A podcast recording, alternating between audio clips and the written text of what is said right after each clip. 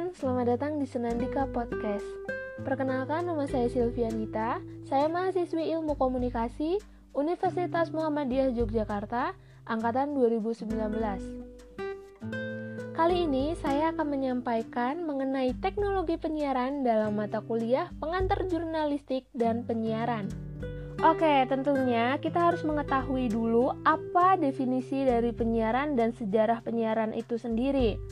Nah, penyiaran dan siaran lahir berkat perkembangan teknologi elektronik yang diaplikasikan ke dalam bentuk teknologi komunikasi dan informasi.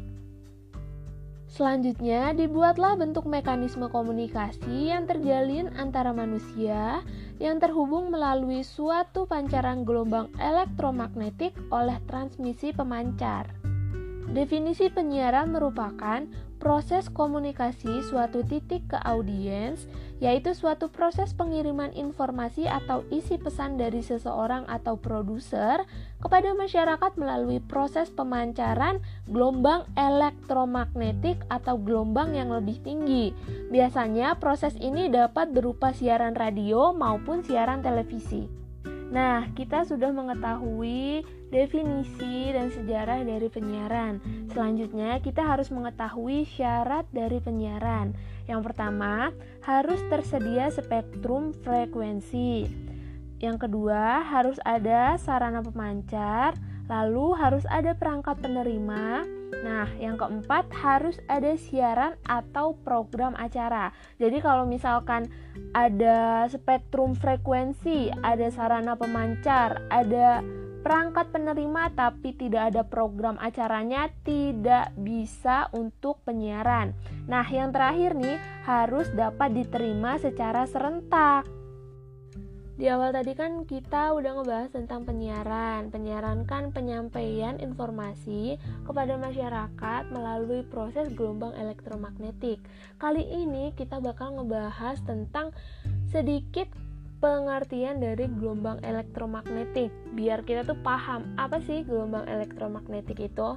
Jadi gelombang elektromagnetik itu gelombang yang dapat membawa pesan berupa sinyal gambar dan suara yang memiliki sifat dapat mengarungi udara dalam kecepatan tinggi bahkan sangat tinggi sehingga pada dasarnya dapat dipancarkan ke mana saja. Keren banget ya Tadi definisi penyiaran udah, sejarah penyiaran udah, terus syarat dari penyiaran udah. Bahkan kita udah ngebahas tentang gelombang elektromagnetik.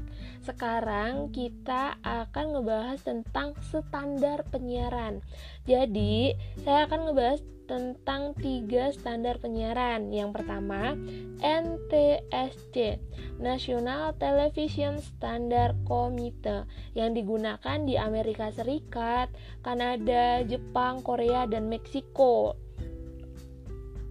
Nah, yang kedua nih ada PAL, Pace Alternating Byline, digunakan di sebagian negara Asia.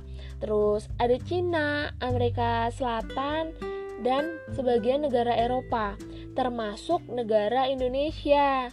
Terus yang ketiga ada secam. Jadi secam itu sequential color effect memory. Nah, ini digunakan di Perancis, Asia Tengah dan lain sebagainya. Oke, dari ketiga standar penyiaran tadi ada hal yang membedakannya nih. Yang pertama, ada jumlah bingkai gambar per detik. Terus, ada jumlah garis setiap framenya. Lalu, ada jumlah frekuensi yang digunakan. Oke, terakhir nih, Penyimpulan dari pembahasan kita kali ini. Jadi, teknologi penyiaran adalah teknologi penyampaian informasi kepada masyarakat melalui proses gelombang elektromagnetik yang sangat berpengaruh penting dalam penyiaran. Keren dan menarik bukan pembahasan podcast kali ini? Tentunya di pembahasan podcast selanjutnya kita akan ngebahas lebih keren dan gak kalah keren pada episode podcast kali ini. Nah, sekian podcast dari saya. Apabila ada kesalahan, mohon dimaafkan. And see you in the next Senandika Podcast.